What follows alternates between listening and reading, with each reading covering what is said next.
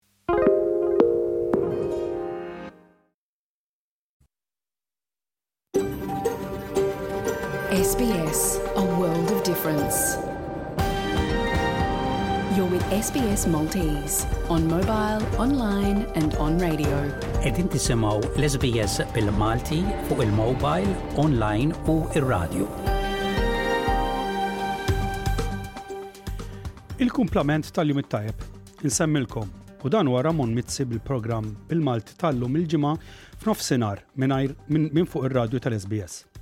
Merħba, hekk kif nistidinkom tingħaqdu miegħi għal dix-xandira ta' siegħa bil-Malti. Fil-programm tal-lum, fost aħbarijiet u ġrajiet kurrenti, ikonna l-aħbarijiet minn Malta mill-korrespondent tagħna Lenard Kallus.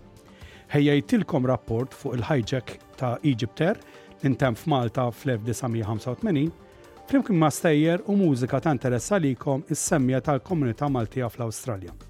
Imissa nibdew bil-programm tas-soltu bil-bolettin tal-aħbarijiet.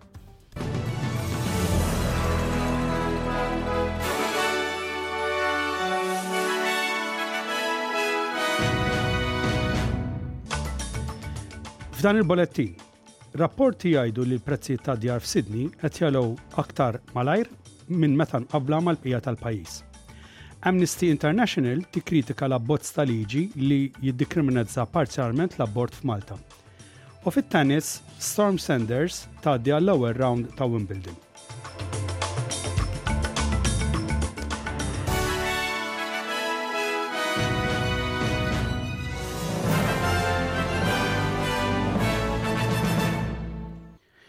Il-prezzijiet ta' djar f'Sydney u Hobart irduppjaw f'inqas minn għaxar snin, iżda f'postijiet oħra madwar l-Awstralja damu ħafna aktar biex jintlaħaq it-tragward medjan.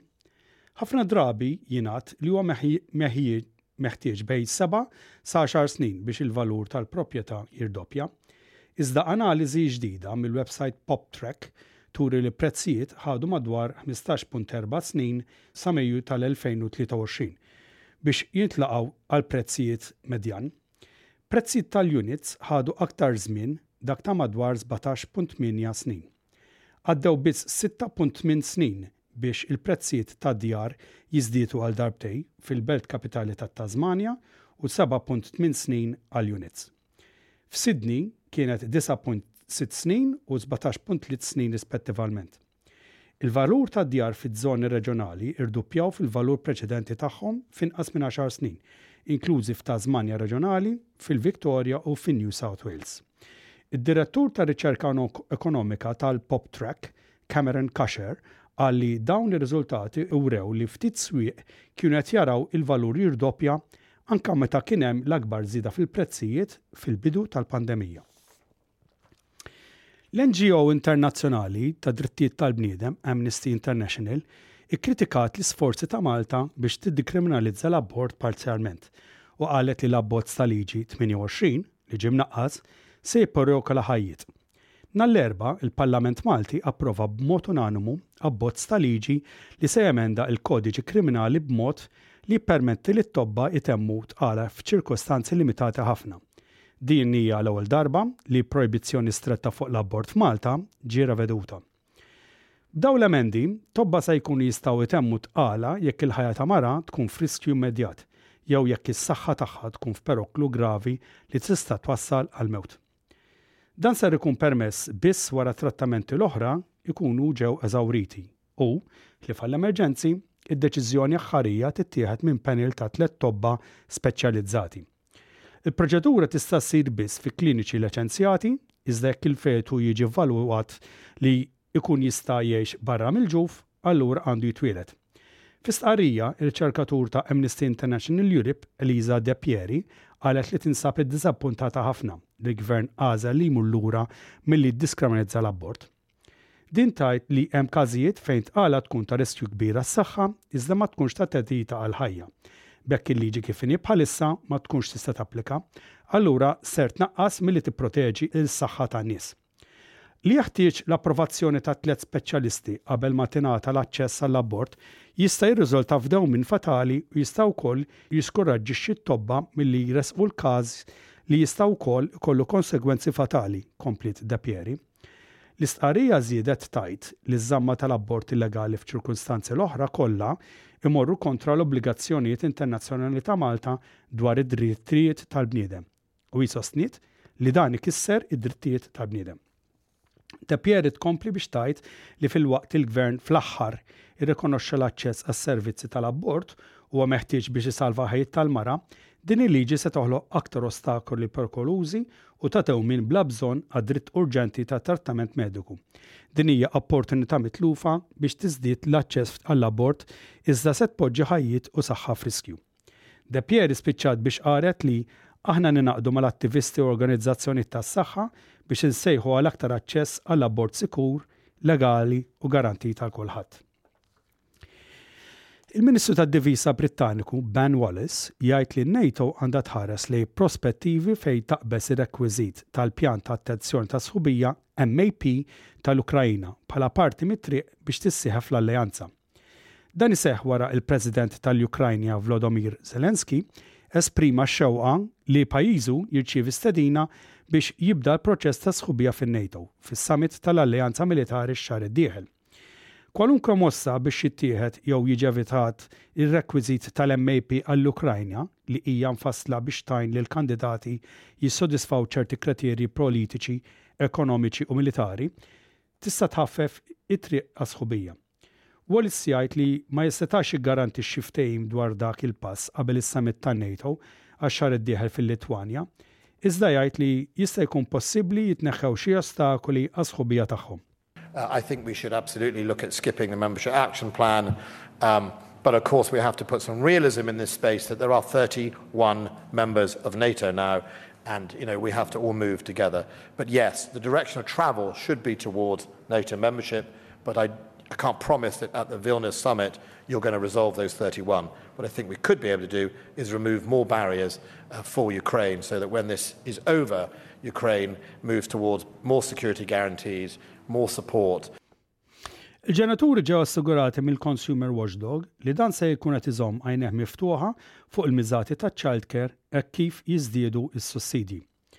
Fost il-bidliet fit-tattika tal-Gvern li jibdew fl-ewwel ta' Lulju, hemm żieda fis-sussidju għall-kura tat-tfal li mistenni jtaffi l-ispejjeż għal 1.2 miljun familja biex jissigura parteċipazzjoni akbar fid-dinja tax-xogħol.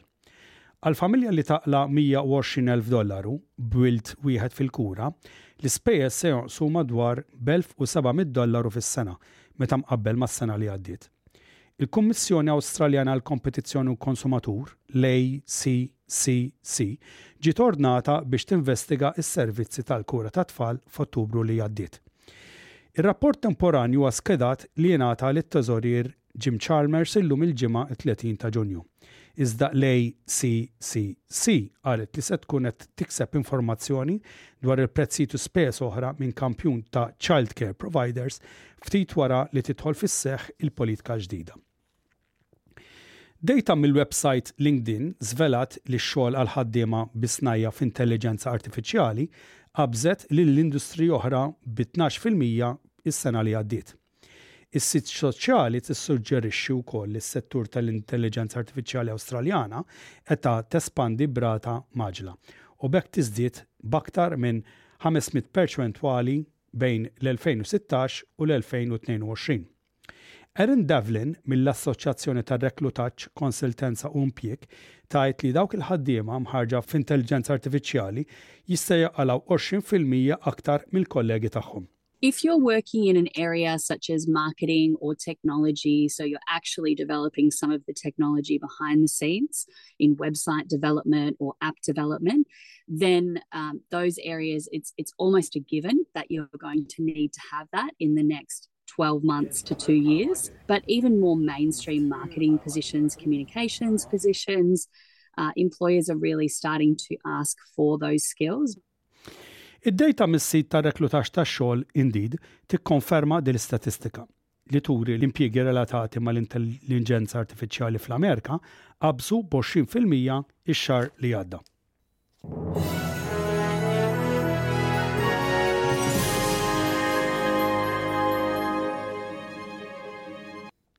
Issa ngħaddu għall-isports tat-tennis. Il-plejer tat-tennis Awstraljana Storm Sanders għaddiet għall-ewwel rawnd ta' Wimbledon ta' dis-sena wara li għelbet il-Ġappuniża Nao Hibino 6 3, 6 b' 4 fl-aħħar rawnd tal-kwalifikazzjoni. Iż-żagħżugħa ta' 28 sena bħalissa tinsab fil-klassifika bħala l-117 fid-dinja u din se tkun l-ewwel parteċipazzjoni tagħha fi Grand Slam tar-Renju Unit. Intant, sħabha Awstraljani Olivia Gadaki u Mark Polmans ma kinux daqshekk ixxurtjati għax tilfu kontra Jessica Buzas Maniero ta' Spanja u Oscar Otte rispettivalment. Wimbledon ta' dis-sena se jibda nhar it-Tnejn, tlieta ta' Lulju u jibqa' għaddej sal-Ħadd, sittax ta' Lulju. Issa nagħlqu dal-Bolettin tal-Aħbarijiet b'ħarsa lejn it-temp tal-lum, il-Ġimgħa, it-30 ta' Ġunju 2023. Perth, xemxi, sbatax-il grad. Ħalbiet tax-xita għal Adelaide, ħmistax-il grad. Melbourne, ħalba jew tnejn tax-xita, ħmistax-il grad. L-istess għal Hobart, iżda erbatax-il grad. Canberra ftit insaħħab, tnax-il grad. Wollongong, riħ u xemxi, tmintax-il grad. Sydney, xemxi, tmintax-il grad. Newcastle, simili, imma satax-il grad. Brisbane, xemxi, 21 grad. Cairns, xi ħalba jew tnejn tax-xita, 28 grad. Darwin, bnazzi u xemxi, u 32 grad.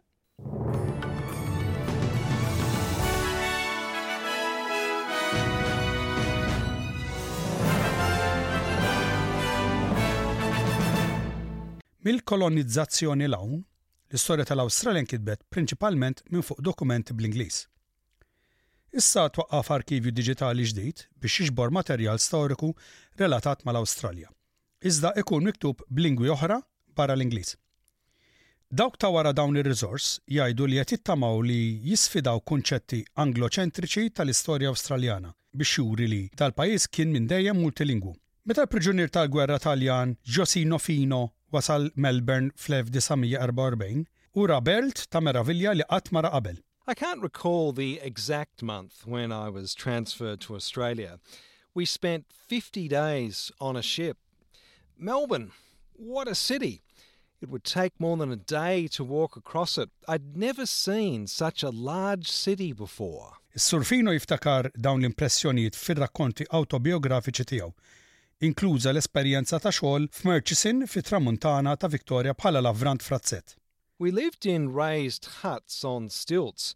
We tamed kangaroos and engaged in boxing with them. There was an infestation of rabbits brought from Europe that had multiplied.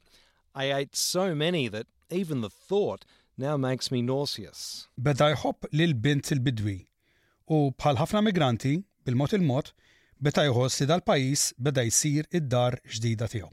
Over nine years had passed since I'd left Italy. Thoughts of Italy and my family were clouded in a haze of smoke. They were distant, so far away that I could hardly recall their faces. The warmth in my heart from their presence had faded. I didn't long for Italy, I'd cross seas, straits and oceans, I was 28 years old and far away, Italy no longer belonged to me. Imma b'dispjaċir għar-relazzjoni li kien fiha, Josino Fino ntbagħat lura l-Italja fl-1947, wara attentat ta' ħarba li kienet ġiġa falliet darb'oħra.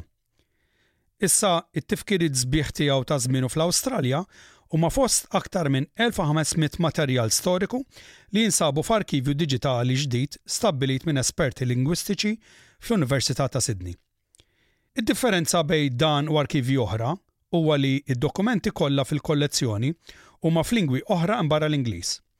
Il-professur Adrian Vickers huwa il-mexxej tal-proġett Opening the Multilingual Archives of Australia, yo OMAA. The starting point for our project is that previously people had written history of Australia from English language sources or primarily from English language sources. So that's fine in itself, but it ignores the fact that much of Australian history was made by people who spoke a whole range of other languages. L-arkivju issa ġabar materjal miktub f'aktar minn 50 lingwa, inklużi t-Taljan, il-Grieg, iċ-Ċiniż, l-Indoneżjan, il-Ġermaniż u l-Olandiż.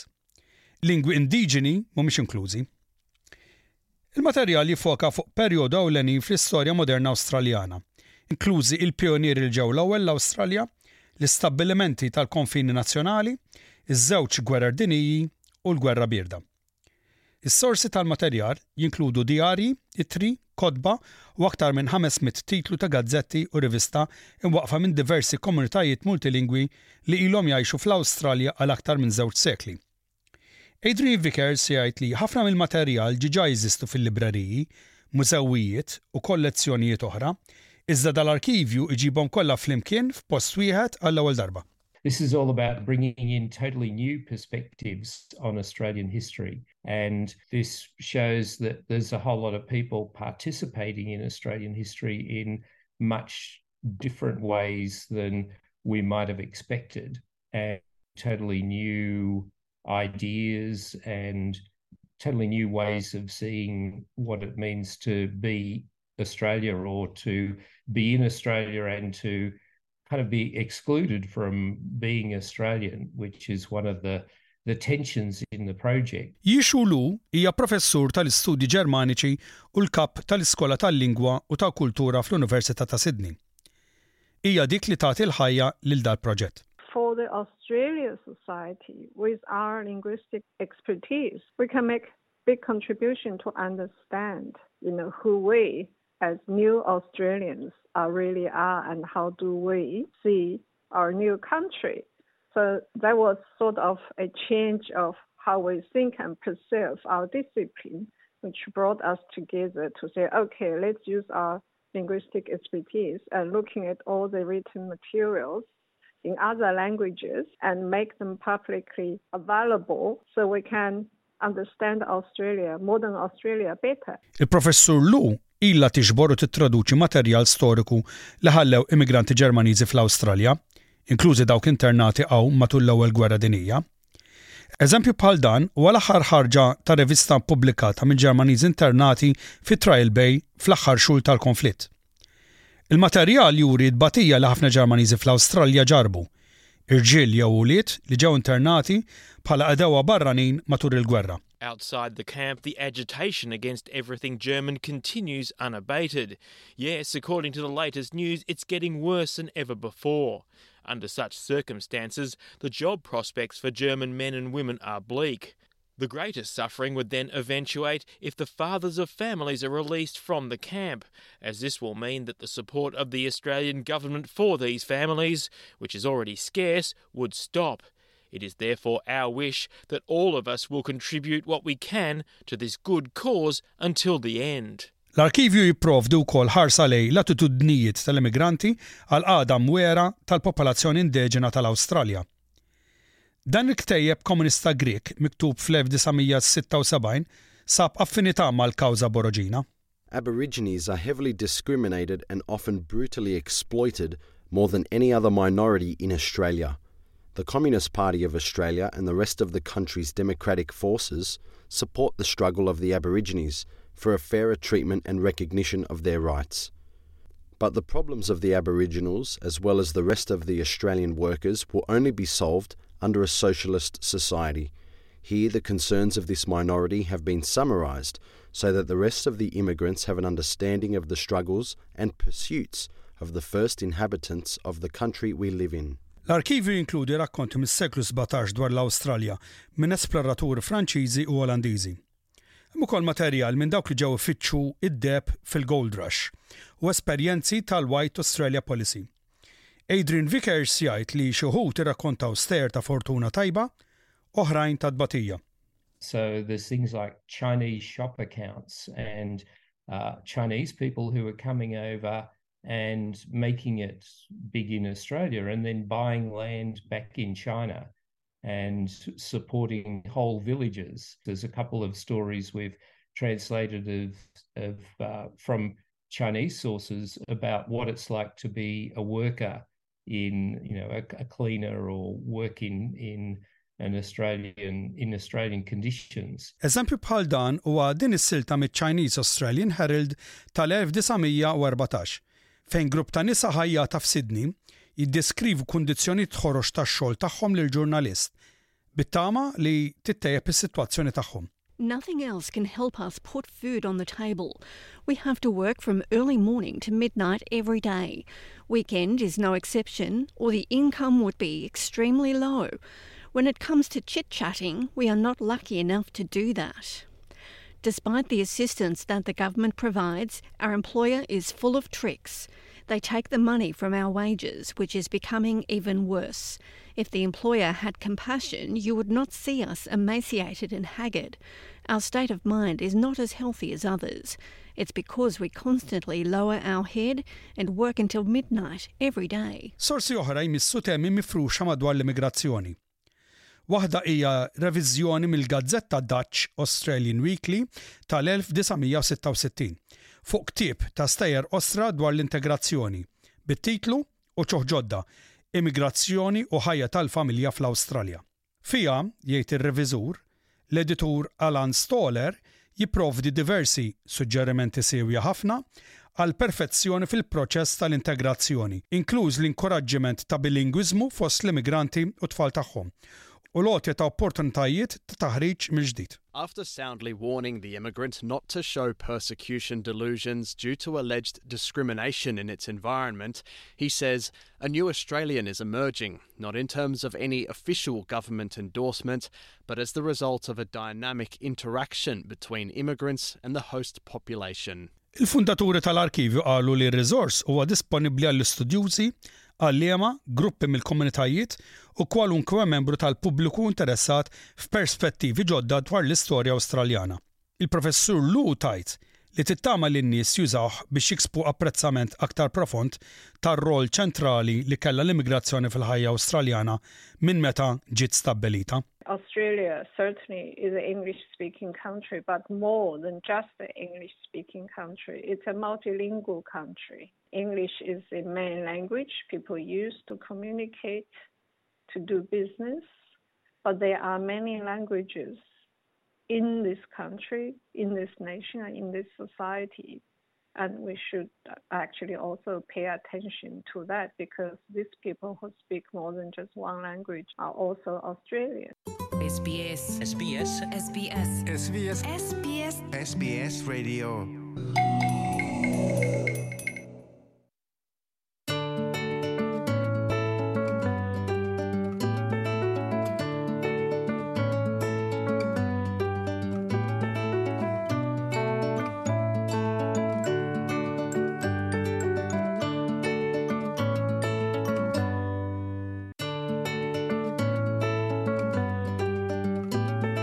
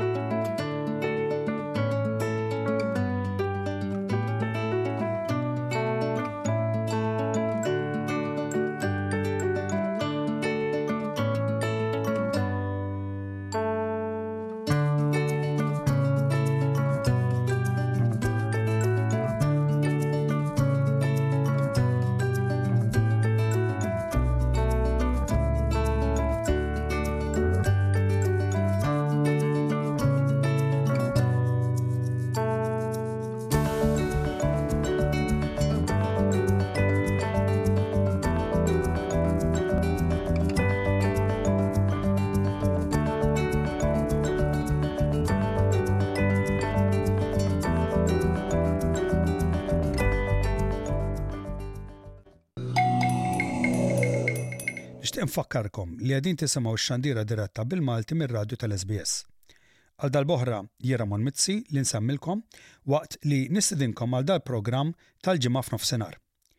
Infakkarkom li fuq ir-radju tal-SBS, minbarra dal-programm, inxandru b'programm ieħor kull nhar tat-Tlieta f'nofsinhar. Tistgħu ssegwuna wkoll permezz tal-websajt tagħna fuq www.sbs.com.au forward slash Maltese fejn tistgħu tisimgħu taqsimiet ewlenin li tkunu smajtu f'dal-programm, x'ħin u meta tridu. Tistgħu wkoll issegwuna fuq Facebook fejn tistgħu tikkummentaw fuq il-posts u l-links li ntellgħu hemm.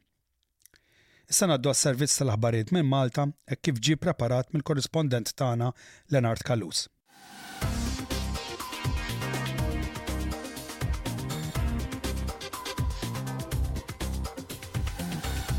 Din hi ġabra ta' aħbarijiet minn Malta. Lenard Callus isellmilkom.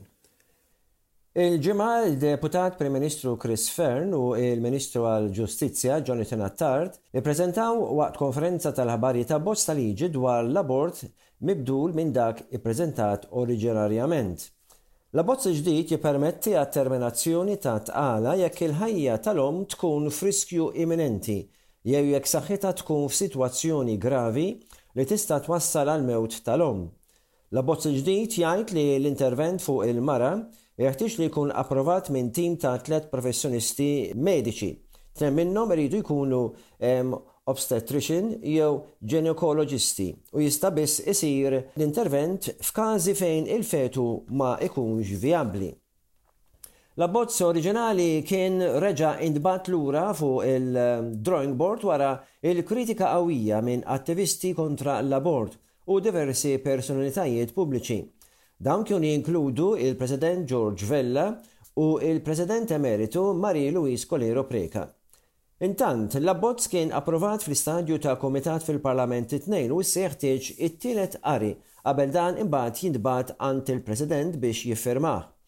Il-President Vella qal li ma kien se jagħmel ebda kummenti fuq il-liġi li għadha quddiem il-Parlament. Il-poplu jista' jkollu risposta fi żmien jumejn jew tliet oħra. Ta' min jgħid hawnhekk li t-Times of Malta kienet irrappurtat li l-President George Vella qal lill-Gvern dak iż-żmien li kien lest jirreżenja milli jiffirma. Dawn ir-rapporti qatt ma ġew miċħuda. Il-President ripetutament kien appella għal kunsens fuq it-tibdiliet. Intant, il-ġurnal tal-Ħadd, Malta Today, żvela li l-Gvern ma kellu ebda għażla ħlief li jemenda l-liġi tiegħu stess dwar l-abort biex jevita li jiġi imbarazzat illi ikollu President George Vella jirreżenja mill-kariga tiegħu. Il-MaltaToday irrappurtat ukoll li sorsi viċini l-President qalu li Vella għamilha ċara lill-Gvern li ma kien se jiffirma l-abbozz jekk dan ikompli jkollu l-istess kliem oriġinali Intqal f'dan l-artiklu fuq l-ewwel faċċata ta' dan il-ġurnal li l-Prim Ministru Robert Abela ma riedx li taħtu jkun hemm il-prospettività ta' riżenja Presidenzjali li setgħet tkun l-ewwel darba minn meta Malta saret Repubblika. Is-sorsi għall-ġurnal li politikament kien ikun ta' imbarazzament u l-ħolqien ta' kriżi kostituzzjonali xi ħaġa li l-Prim Ministru Abela ma kienx jixtieq li jseħħ.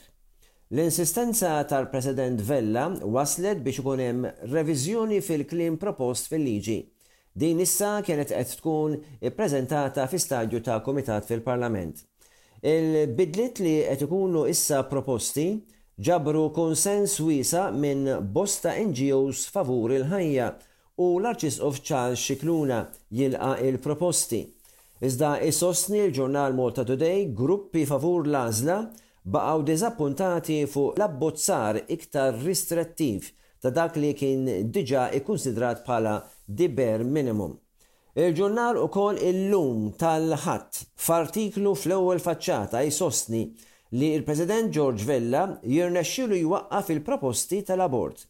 Fil-ġurnal it-Torċa, f'intervista mal-Deputat Laburista Tabib Michael Farrugia, dan qal li l-emenda mressqa fl-Abbozz 28 dwar il-protezzjoni ta' saħħet u ħajjet l-omm jekk tinqabad f'kumplikazzjoni medika waqt it-tqala hija qabża 'l quddiem li tikkombatti l-istatus quo li ħaddieħor ried iħalli fih. b'diskors li din l-emenda ma hemmx bżonnha. Il-Tabib Farrugia qal ukoll li l-Gvern se jsaħħaħ l-emenda imressqa oriġinarjament billi jassigura l-prinċipji ta' emenda oriġinali waqt li jagħti serħan il-moħħ għal kulħadd li mhux se jkun hemm lok għal abbuż. Dan kollu qed isir wara proċess ta' konsultazzjoni. F'konferenza tal-aħbarijiet, is-Segretarju Parlamentari għar-Riformi, Rebecca Buttigieg, qalet li l-emendi l-ġodda fl-abbozz ta' liġi dwar l-abort huma pass fid-direzzjoni t-tajba li tagħti l-ħajja tal-mara l-importanza meħtieġa. Qalet li għall-ewwel darba din l-emenda se tipprovdi lill-professjonisti li jipprovaw jissalvagwardjaw il-ħajja tal-mara li tkun għaddejja minn kumplikazzjonijiet matul it-tqala tagħha, is-serħan tal-moħħ, li mhumiex f'riskju li jmorru l-ħabs u li x-xogħol tagħhom huwa kopert mil-liġi. Waqt din il-konferenza tal-aħbarijiet fil-Kwartieri Ġenerali tal-Labour, Buttigieg qalet ukoll li l-emendi l-ġodda jiżguraw il-ħajja u s-saħħa tal-omm huma mħarsa u fl-istess ħin iġib serħan il-moħħ li l-proċeduri jeskludu kull possibilità ta' abbuż. Qalet li bħala mara u omm prospettiva taf li ħajjitha hija protetta u mħarsa. Il-Ħadd waqt il-quddiesa fil-festa ta' twelid ta' San Ġwann il-Battista fil-Konkatidral ta' San Ġwann, l-Arċisqof Charles Scicluna filwaqt li esprima r-ringrazzjament u t-tifħir lil Alla Talab li l-poplu Malti u Għawdxi fl-istituzzjonijiet kollha tiegħu jkompli jkun poplu li jħaddan lil kull tarbija li titwieled, kull tarbija li titnissel bħala don kbir ta' Alla. Monsinjur Scicluna qal li illum qed niċċelebraw it-twelid ta' dak li ssejjaħ biex juri t-triq tal-Mulej Ġesù, li huwa stess jindikah bħala ħaruf li jneħħi d-dnubiet tad-dinja, ta' dak li kellu l-kuraġġ jgħid m'iniex jien, ġejni wieħed ieħor warajja.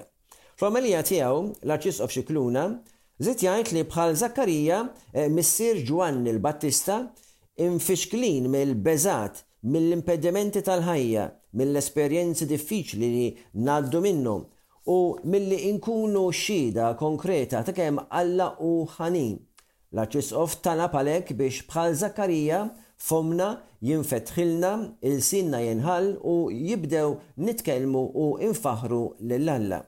Qal għandna bżonn l-umiltà, il-kuraġġ u x-xhieda ta' Ġwanni l-Battista. L-Arċisqof qal, Għandna bżonn protettur għall-fedeltà, għall-kelma li wieħed jagħti u għall-imħabba sabiħa. Għandna nduru lejn Ġwanni li telef ħajtu għall-prinċipji tiegħu b'xiehda għall-verità, sostna l-Arċisqof Scicluna.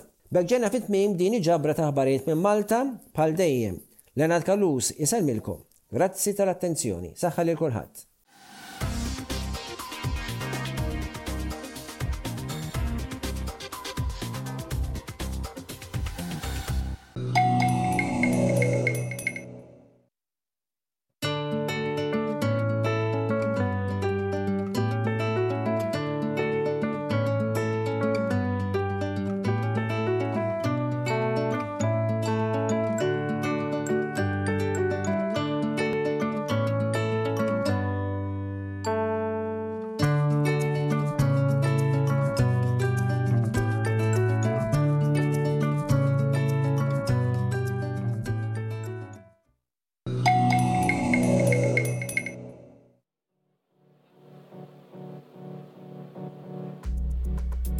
Meta xi ħadd isemmi hijack jew ħtif ta' ajruplan, mill-ewwel moħħna imur fuq l-avvenimenti traġiċi tal-11 ta' Settembru tal-2001, meta ajruplani ġew misruqa u użati f'attakki fuq il-World Trade Center u l-Pentagon.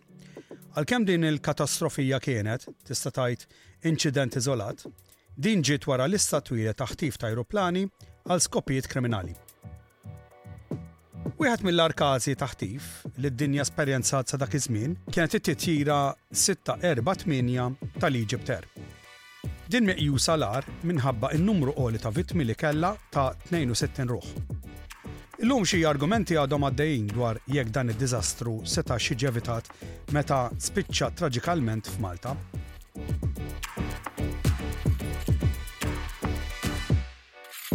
Mela morru lura għal ġurnata ta' 23 ta' Novembru tal-1985. Għal ħabta ta' 8 ta' filgħaxija, l-ajruplan Boeing 737 tal-Egypt Air telaq minn Ateni fil-Greċja għal Kajr fl-Eġittu. Wara biss 10 minuti fl-ajru, grupp ta' terroristi armati ta' Abu Nidal ħatfu l-ajruplan. Daw kienu armati b'pistoli u splussivi. Għall-ewwel l-intenzjoni kienet li jniżżlu l-ajruplan fl-Arġerija, iżda peress li kien hemm nuqqas ta' fjuwil, iddeċidew li jitniżżel fil-Libja. Iżda, meta xi avvenimenti drammatiċi ġraw fuq l-ajruplan, iddeċidew li jinżlu f'Malta. L-ajruplan kellu sitt membri tal-ekwipaġġ u 88 passiġġiera fost sitt tlieta li ħatfuh li kienu Omar Mohammed Ali Razaq, Nar Albin Bu Said u Salah Salem Chakur. li kien il-kap tagħhom. Huwa sostna li kienu revoluzzjonarji Eġizzjani. Mill-ewwel, Ali Razaq daħal fil-kabina tal-piloti, Busaid mar fuq il-wara tal-ajruplan u Ċakur ħaħsib il-qudiem tal-ajruplan. Ċakur għajat li 88 passiġġier il-qudiem u għamilhom skont in-nazzjonalijiet tagħhom. Iż-żewġ Iżraeljani Tamar Arzi u Nitzan Mendelson poġġew fuq quddiem, bit-tlett Amerikani Patrick Scott Baker, Scarlett Robyn Camp u Jackie Nink Fluke warajhom. Sa dak il-ħin, il-pirati tal-ajru ma kinux jafu li wieħed mill-passiġġiera kien aġent tas-servizzi tas-sigurtà Eġizzjana, Medat Mustafa Kamal. Meta t-terroristi kienu qegħdin jiċċekkjaw il-passaporti, dasab il-mument opportun u spara diversi tiri lejn Chakur u qatlu. u darab ukoll żewġ nisa tal-ekwipaġġ. Meta ra dan, Bu Said spara lejn l-aġent u dan intefa' mal-art donnu għal mejjet. Għal dawk li ma jafux, sparar ta' kull xorta fuq l-ajruplan jikkaġuna ħsarat kbar. Għalkemm il-bulits tal-aġent Kamal kienu apposta għall-użu fl-ajruplani, dawk ta' Bu Said ma kinux. u b'hekk meta spara, ikkawża ħsarat fil-qafas. Imbagħad il-Kaptan Hani Galal ħa deċiżjoni biex iniżżel l-ajruplan fil-baxx biex il-passiġġiera jieħdu n-nifs sewwa. Meta dan isir, l-ajruplan jibda jaħraq ħafna fjuwil u għal din ir-raġuni t-terroristi qatgħuha biex jinżlu Malta minflok il-Libja. Għall-ewwel, Il-Gvern Malti rrifjuta li jagħti permess ta' nżul, iżda terroristi websu rashom. Il-kaptan qal li l-kontroll tal-ajru li jekk ma jinżilx Malta huwa sa jniżel l-ajruplan fuq il-baħar. U b'hekk tħalla jinżel fl-ajruport ta' Malta. Fidlam ċappa, dan iżel fuq Park 4 fil-parti remota tal-ajruport, iġifieri ħdejn Ħal Farruġ. Dan qed nirreferu għall-ajruport antik f'Ħal Luqa, mhux dak li qed jintuża llum. Il-Prim Ministru da dak iż-żmien Karmenu Mifsud Bonnici ġie mgħajjat fil-kontroll tal-ajru mid-dar tal-Mediterran għal konferenzi l-belt fejn kien qed jattendi attività tal-Partit Laburista. Malli wasal hu ħa ħsieb in-negozjati, kif kien għamel il-predeċessur tiegħu Dom Mintoff f'hijack ieħor fl-1973.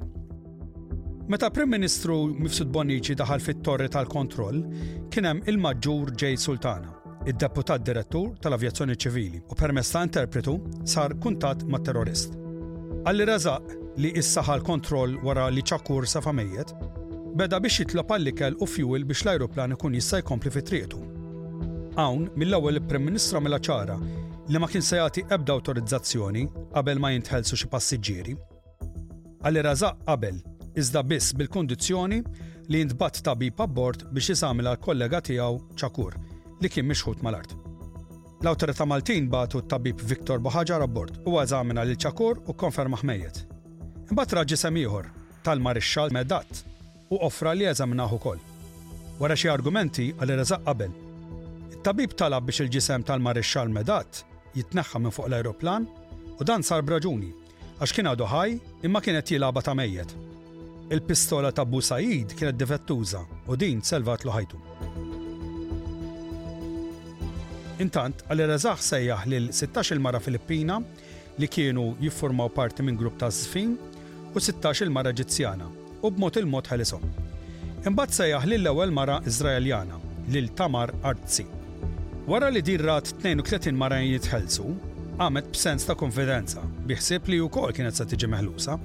Iżda malli waslet fit-taraġ tal-passiġġiera, Ali Razak għolla l-pistola u sparalha. Madankollu, art sitt ċaqalqet u b'hekk l-isparatura kemm ħakket magħha. Hija waqgħet mal-art bħallikieku kienet mejta u qalli reżaq ta' fagħha t-taraġ fejn baqgħet hemm bla ma ċċaqalqet.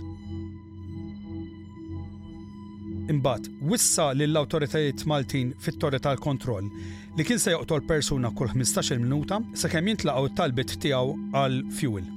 Sadanittant, Franza, l-Ingilterra u l-Istati Uniti offrew li jibagħtu suldati mħarrġa biex jeħilsu l-passiġġieri.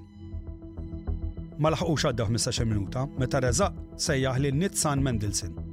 Din, li kienet għadha kif rat li l-ħabiba tagħha tiġi sparata, telgħet ħdejh biża' li ma bħalha. Għalli reżaq tefa' l-Mendelson ħdejh it-taraġ u sparalha f'rasha. Imbagħad tefagħha it-taraġ fuq ħabibta Arzi. Meta Arzi ħasset il-ġisem ġie fuqha, din imxiet ftit u meta qalira hekk niżel it-taraġ u sparalha f'qaddha. Kif rajek, il-Prim Ministru Nfsud Bonnici wassal lil Razaq li ma kienx hemm ċans ta' refueling jekk ikompli joqtol il-passiġġieri. Iżda l-isparaturi reġgħu bdew il-Ħadd fis-siegħa u nofs ta' filgħodu, meta Razaq spara fuq l-Amerikan Patrick Scott Baker wara li ħarġu fuq l-iskala piża tal-ajruplan. Wara li dan waqa' għal isfel, Baker telaq jiġri lejn żewġ pulizija u b'xorti tajba baqa' ħaj.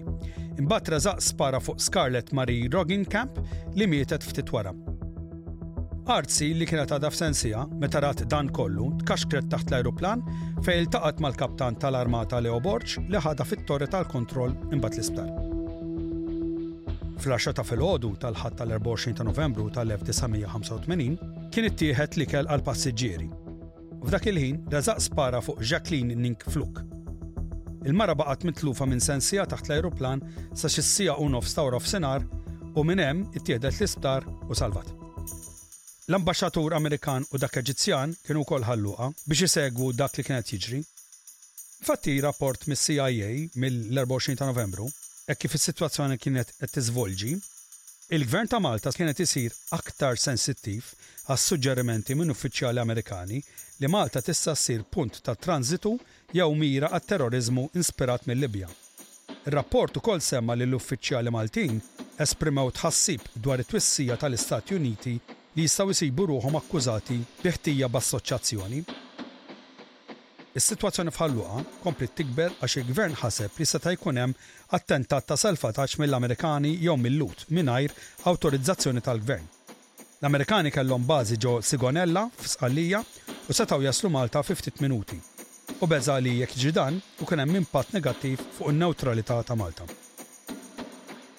Taħt pressjoni dejjem tikber, il-Prim Ministru aċċetta t-talba tal-Gvern Eġizzjan biex jintbagħat tim tal-Forzi Speċjali Eġizzjani li kienu mħarrġa fl-Istati Uniti biex isalvaw lill-passiġġiera. Iżda l-Eġittu ma kellhiex reputazzjoni tajba. Fl-1978, wara li ajruplan ieħor ġie maħtuf u meħud lejn Ċipru, l-Eġittu bagħtet il-komandos tagħha mingħajr lanqas biss informat lill-Gvern Ċiprijott. Ġlied bejn il-forzi Ċiprijotti u dik Eġizzjana spiċċat f'diversi mejta miż-żewġ naħat. U kien hawn li bdiet it-traġedja f'Malta. Mingħajr ma nformaw il-Gvern, it-truppi Eġizzjani daħlu biex jattakkaw l-ajruplan il-Ħadd fit-tmienja ta' filgħaxija, sigħat qabel il-ħin miftiehem. Sildati Eġizzjani nfetxu f'attakk indiskriminat fuq l-ajruplan. Bdew billu poġġew splussiv fl-istiva tal-ajruplan, eżatt taħt fejn Bu Said kien bilqiegħda. Meta dan l-isplussiv ħa, dan ta n-nar lill-ajruplan saħansitra anka l-kompartament ta' fuq il-kabina. Dħaħen estremament tossiċi ġewwa z-zona lokalizzata tal-kabina ħarġu bla waqfien u 54 persuna sfaw ivvalenati. L-Eġizzjani telgħu ġol-ajruplan minn kull naħa tal-ġwienaħ u fetħu n-nar bl-addoċċ. B'kollox ġew sparati 92 balla. Erba' persuni, fosthom żewġ passiġġieri li ppruvaw jaħarbu mill-ajruplan, inqatlu mit-tiri tas-suldati. Anke l-kopilota tal-ajruplan, li qabeż mill-kabina f'attentat biex jaħrab, qala' tir minn snajpers Eġizzjani muntati fit-torri tal-kontroll. Kienet sitwazzjoni orrendi ta' żewġ minuti fejn ħafna nies sfaw maqtula.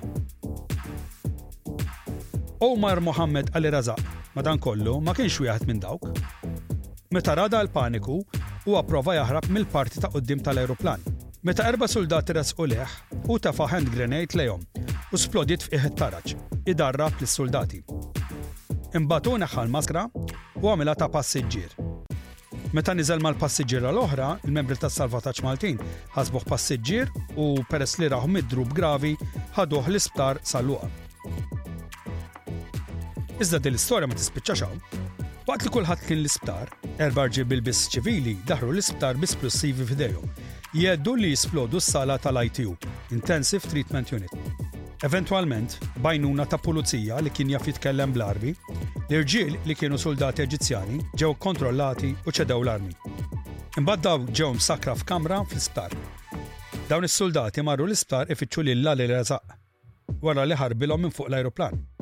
F'dak il-ħin, Ali Razak kien qed jiġi operat wara li sofra ġrieħi gravi fil-pulmun. Ali Razak eventwalment ġie identifikat mill-passiġġiera u arrestat mill-awtoritajiet Maltin taħt sigurtà kbira. Sadanittant, il-hangar tal-ajruport inbidel f'post għall-mejtin li kienu nħarġu minn fdalijiet tal-ħruq tal-ajruplani. Ma' 62 mejta kienu jinkludu żewġ nisa tqal, Baħrin Griegi, attriċi Messikana u tifel ta' għaxar snin li nqatel fis-siġġu fejn kien bilqiegħda mis-suldati Eċizzjani. L-investigazzjoni li ġiet wara ħadet sitt xhur, bir-rapport forensiku tant komprensiv li saħansitra ġie mfaħħar mill-Ambaxxatur Amerikan. Ali Razak ġie mixli u kkundannat għal 25 sena ħabs waqt ġuri li seħħ fil-Forti Sant'Iermu. Razak ma setax jiġi akkużat bi ħtif ta' ajruplan peress li dak iż-żmien Dak ir-reat ma kienx imniżżel fil-kotba tal-liġijiet ta' Malta. Iżda l-istorja ma spiċċax hawn, għax fi Frar ta' l-1993, Raza inħeles wara li bbenifika minn diversi amnestiji ġenerali u tnaqqis għal imġiba tajba, biss wara seba' snin ħabs, fost kundanni ħarxa mill-komunità internazzjonali. Il-Gvern ta' Malta sostna li ma setax jiddiskrimina kontra Reżaq. f'termini ta' liġi kif kienet tapplika dak iż-żmien, l-Istati Uniti stqarret li tinsab ixxukkjata u skantata bid-deċiżjoni biex spiċċat tikkundanna l-azzjoni tal-Gvern Malti fil-Kungress Amerikan.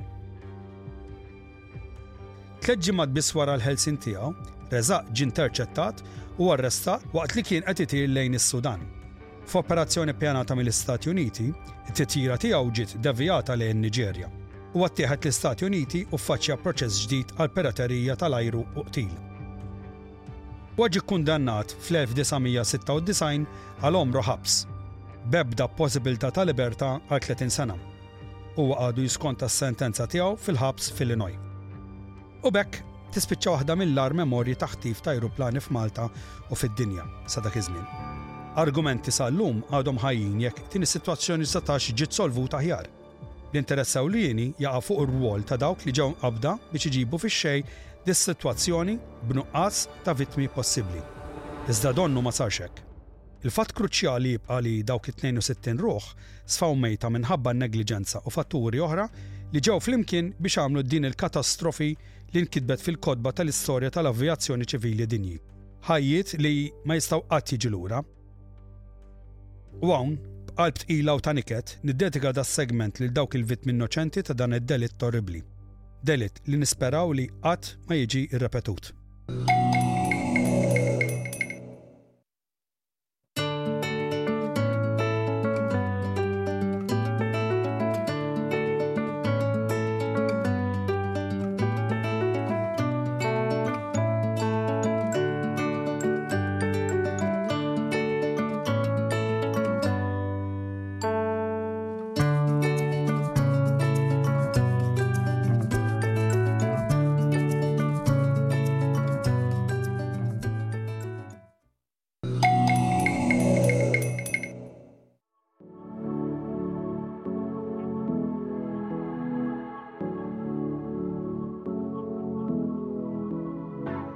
Kull pajjiż għandu serje ta' leġġendi u għajdut li jagħmlu parti importanti mir-repertorju kulturali tiegħu.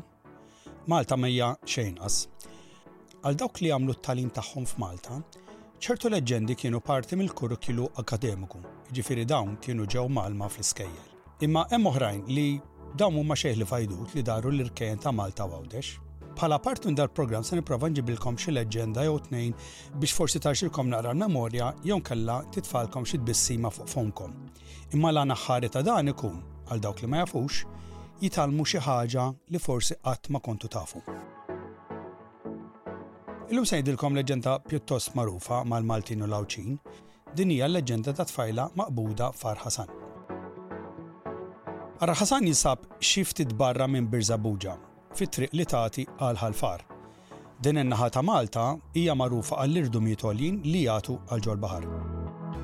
Għall-Ħasan huwa mudlam, ilma jroxx mal-ħitan u b'hekk l-art hija irregolari u tiżloq mhux xi ftit.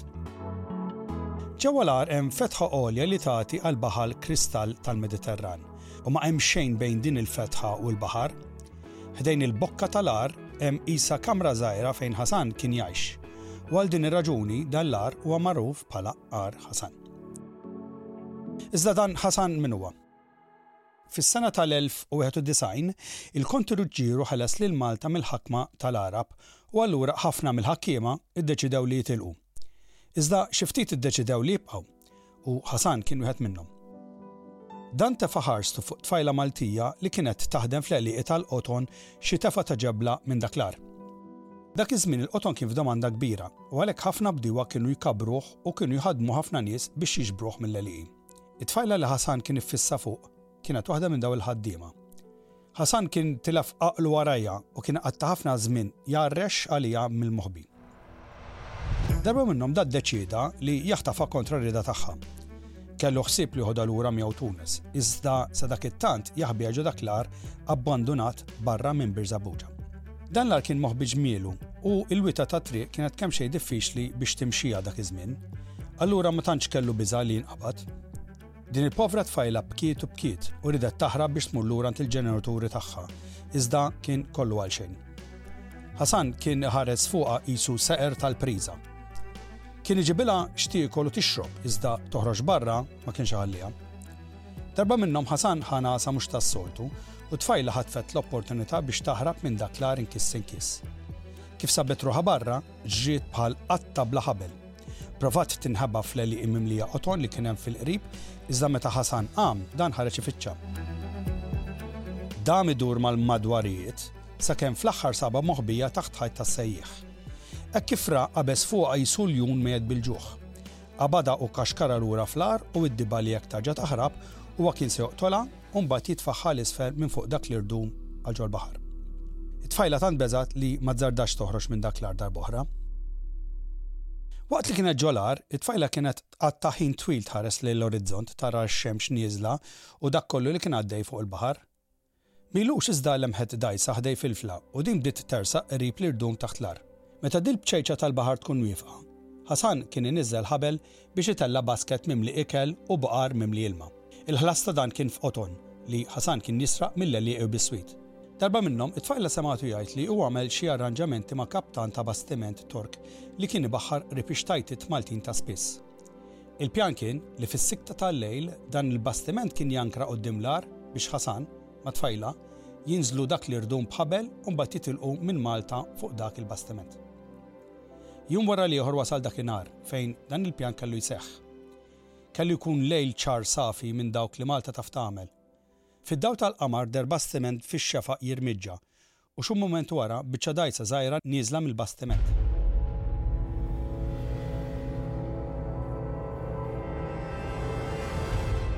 Dlonk din id-dgħajsa qadfet għal taħt l-irdum. Hekk kif waslu qrib, Ħasan qafel il-ħabel ma' qatt it-tfajla u beda jniżilha bil-mod il-mod mal-irdum għal ġo d-dgħajsa. Il-pjan kien li meta t-tfajla tasal qawwija u sħiħa ġo d-dgħajsa, imbagħad jibda jixxabbat huwa mal-irdum bl-għajnuna tal-ħabel. Iżda kellu jkun hekk kif it-tfajla kienet għadha nieżla, huwa sema' xi vuċijiet resqin lejn l-agħar, u donnhom li kienu vuċijiet irrabjati. Hekk kif l-irbombjar żdied, għadd ta' bdiewa ta' dawk l-inħawi invadew l-agħar u qabdu lil Ħasan bil-ħabel f'idejh. Dan inħesad u telaq il-ħabel biex jaqla' x-xabla li kienet imdendla minn ġenbu. Kif għamel hekk, il-povra tfajla waqgħet għat-tul ta' dak l-irdum u mietet. Fl-agħar, Ħasan ra li ma kellux ċans ma' dawk il-bdiema, li żgur ma kinux se jħalluh joħroġ bl-irħis minn taħt idejhom. Allura, meta ra li ma kellux rebħa, qabad u qabeż 'il barra mill-agħar u ġġarraf mal-blat li kien jagħti mal-baħar. Kif raw dan l-għawġ, dawk li kienu fid-dgħajsa, Għatfu kemm kellhom saħħa l-bastiment.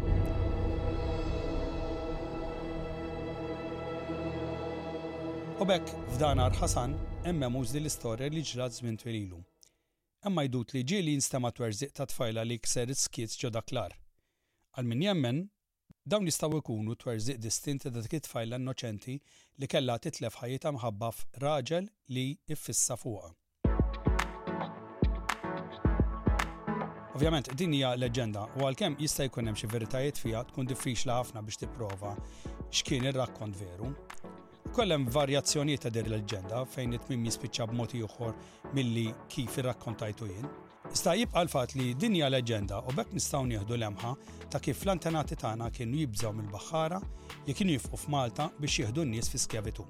Żgur hi li ħadd ma jaf kif ġrat din l-istorja ħlief l-għar innifsu, li għadu hemm sal-lum. Dak il-ħin kollu li kellna allokati għalikom illum. Se nagħlaq b'di diska ta' Joe Gallia The Maltese Centenary Song li ġibna apposta għalikom is-samija tagħna minn għand Joe stess. Nispera li sibtu dal-programm tal-lum interessanti. Hekk kif nirringrazzjakom tal-li segwejtuna, nispera li tingħaqdu magħna għax xandir oħra bil-Malti it-tlieta li ġej f'nofsinhar. Insemmilkom ir-radju tal-SBS saħħit.